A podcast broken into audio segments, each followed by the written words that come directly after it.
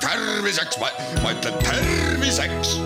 saade valmib koostöös Ida-Tallinna Keskhaiglaga, vaata ka itk.ee tere, head Kuku raadio kuulajad, eetris on saade Terviseks ja me räägime täna emakakaelavähist ja selle varajase avastamise tähtsusest. mina olen Ingela Virkus ja olen selleks külla palunud Ida-Tallinna Keskhaigla günekoloogi Aira Peri, tere! tere! miks emakakaelavähk tekib? Emakakaelavähi põhjus on äh, ligi üheksakümmend kaheksa protsenti papi-, suguliselt leviv papilloomviirus. et need äh, ülejäänud väikene protsent äh, on, on muudest põhjustest tekkinud, aga valdavalt on see papilloomviirus. mis viirus see papilloomviirus siis täpsemalt on, te tõite mulle siia ka flaierid, reklaamlehed ja siin on kirjutatud, et papiloom, papist loom või kuri viirus, mis viirus see siis on? see on suguliselt leviv viirus, mis saadakse limaskestadega kontaktil ja see viirus tavaliselt ei anna endast mingisugust märku, ennem kui, kui siis tekivad juba limaskesta kahjustused, kus kude hakkab lagunema ja sellisel juhul, kui kude juba laguneb, siis on tegemist juba raske haigusega. aga kõik papillomviirused ei arene ju kindlasti siis emakakaelavähiks? Äh, papilloomviirusi on tegelikult äh, väga palju, et osad on nahavormid, äh, osad on siis päris sellist nahavähki tekitavad, aga et limaskestadel ja suguteedes on neid papilloomviiruseid umbes nelikümmend tüüpi. ja ka nendest neljakümnest tüübist kõik ei ole nii-öelda sellised ähm, onkogeensed või vähki tekitavad, vaid nendest on kuskil neliteist tüüpi leitud, et nad on kõrge riskiga äh, vähi, vähi arenguks aga see tähendab seda, et papilloomviirus iseenesest võib äh, olla ka mehel siis, et mees võib seda samuti? ja ikka, et see on ikka mõlema sugupoole limaskestade haigus, aga lihtsalt ta tekitab emakakaelavähki äh, oluliselt äh, suuremal määral, kui, kui näiteks meestel võib tekitada ka peenisevähki, võib tekitada ka suu- ja neelupiirkonna vähkisid, võib tekitada päraku piirkonna vähki et aga, et kõige suurem osakaal on emakakaelal ja, ja nii-öelda selle viiruse uurimisega on tegeletud just emakakaela vähiotsingutel on, on leitud, et sellepärast on see põhirõhk on ju naise ja emakakaela poole suunatud. Parandage mind selle statistika osas, kui ma valesti võib-olla ütlen, aga igal aastal saab siis enam-vähem Eestis sada kolmkümmend naist emakakaelavähi diagnoosi et need arvud on olnud ka suuremad, aga eks me tasapisi töötame selle nimel, et, et meie saaksime ka paremad nii-öelda tulemused, et meie naised oleksid tervemad, meie teadlikkus kasvaks. et on varasematel aastatel olnud ka sada seitsekümmend, et aastad ei ole kõik vennad. aga kellel siis emakakaelavähi tekkeks suurem soodumus on? Emakakaelavähk, nagu ma ütlesin, algab suguliselt levivast papilloomviirusest ja, ja see tõenäosus emakakaelavähki saada on kindlasti nendel, kellel on suurem partnerite arv, kellel on nakatumine kõrge riski papilloomviirusesse, kes on suitsetajad, kellel on immuunsus madalam, kellel on kaasuvad suguliselt levivad infektsioonid. on see kuidagi ka selline geneetiline haigus?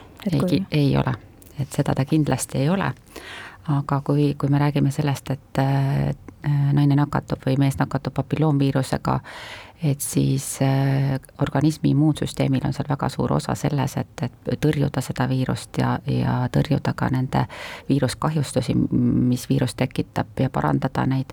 et need, kelle perekonnas esineb rohkem pahaloomulisi haigusi, et nende võib-olla äh, immuungeneetika on, on sedaviisi äh, Äh, kujunenud, et nendel on suurem tõenäosus, et nendel lähevad asjad pigem halvemini kui paremini, aga kindlasti see ei ole geneetiline vähk kuidas äh, emakakaelavähki ära tunda, et on sellel mingid sellised konkreetsed sümptomid? Et emakakaela, kui vähk on juba kujunenud, et äh, tavaliselt need äh, sümptomid tekivad siis, kui, kui tegemist on juba kaugele arenenud protsessiga, et äh, tavaliselt tekivad tsüklivälised veritsused, suguühtejärgsed veritsused või naine saabub meile näiteks vastuvõttu lihtsalt verejooksuga ja laguneva emakakaela tuumoriga väga hea võimalus emakakaelavähi ennetamiseks või siis ütleme pigem varajaseks avastamiseks on sõeluuring. kui aktiivselt naised sõeluuringus teie hinnangul käivad? Kahjuks Eesti naine ei ole väga aktiivne sõeluuringus osaleja, et ilmselt aga meie meditsiinisüsteem eh, seda ühtepidi tinginud, aga on meil hulk naisi, kes eh, üldse ei taha naistearsti juurde pöörduda ja kahjuks sellest seltskonnast ongi need naised, kes tulevad meil erakorraliselt juba, juba raskete haigustega et meie äh, sõeluuringu osalemisprotsent on viimastel aastatel olnud selline nelikümmend kuus protsenti. Et võrreldes Põhjamaadega on see ikkagi väga, väga kehva tulemus, et äh, selleks, et me saaksime äh, oma, oma nii-öelda emakakaelavähki haigestumist ja üldse papilloomviirustesse haigestumist vähendada, äh, on, on see osalusprotsent võib-olla seitsekümmend protsenti ja rohkem, nii nagu näiteks Soomes on, on, on selline, mis alles efekti annab, et see nelikümmend kuus on väga madal. on see ikkagi kuidagi aastatega tõusnud, see osalemisprotsent või pigem mitte? pigem mitte miks see nii võib olla, miks naised ei osale sõeluuringus või miks nad võib-olla ka aktiivsemalt äh, tavakontrollis ei käi?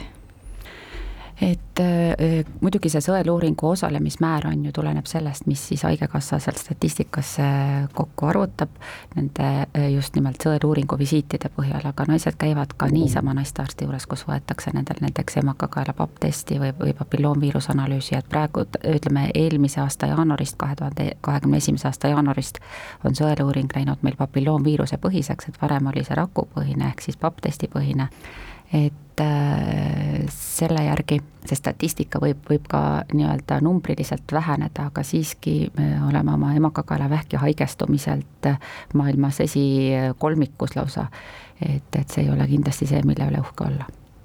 Miks siis ikkagi naised ei käi, kas nad kardavad või, või on lihtsalt elu kuidagi nii kiire, et nad lihtsalt ei jõua, et lükkavad muudkui edasi ja ühel hetkel avastavad, et issand, ma ei ole tõesti käinud naistearstil väga-väga pikalt? Ma arvan, et äh, nii, see on nii ja naa, et, et tõepoolest, et mõned naised ei tule äh, põhimõtteliselt naistearsti juurde, sest see on ebav, mõni leiab, et, et kui ma ei ela näiteks suguelu või kui ma olen juba teatud vanuses, siis ma enam ei pea sinna tulema. et äh, see on, see on üks põhjus, et osad lihtsalt ei tule või on ebameeldiv kogemus me räägime järgmises saates pikemalt ennetamisvõimalustest, aga kui me räägime näiteks tavakontrollist, mitte võib-olla sõeluuringus käimisest, siis kui äh, tihti või kui sagedasti võiks naine käia tavalises kontrollis just ennetamise mõttes?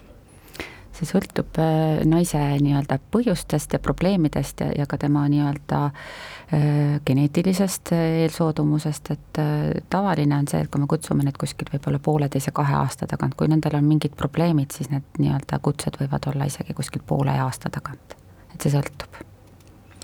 me jätkame oma vestlust juba homme kell neliteist nelikümmend viis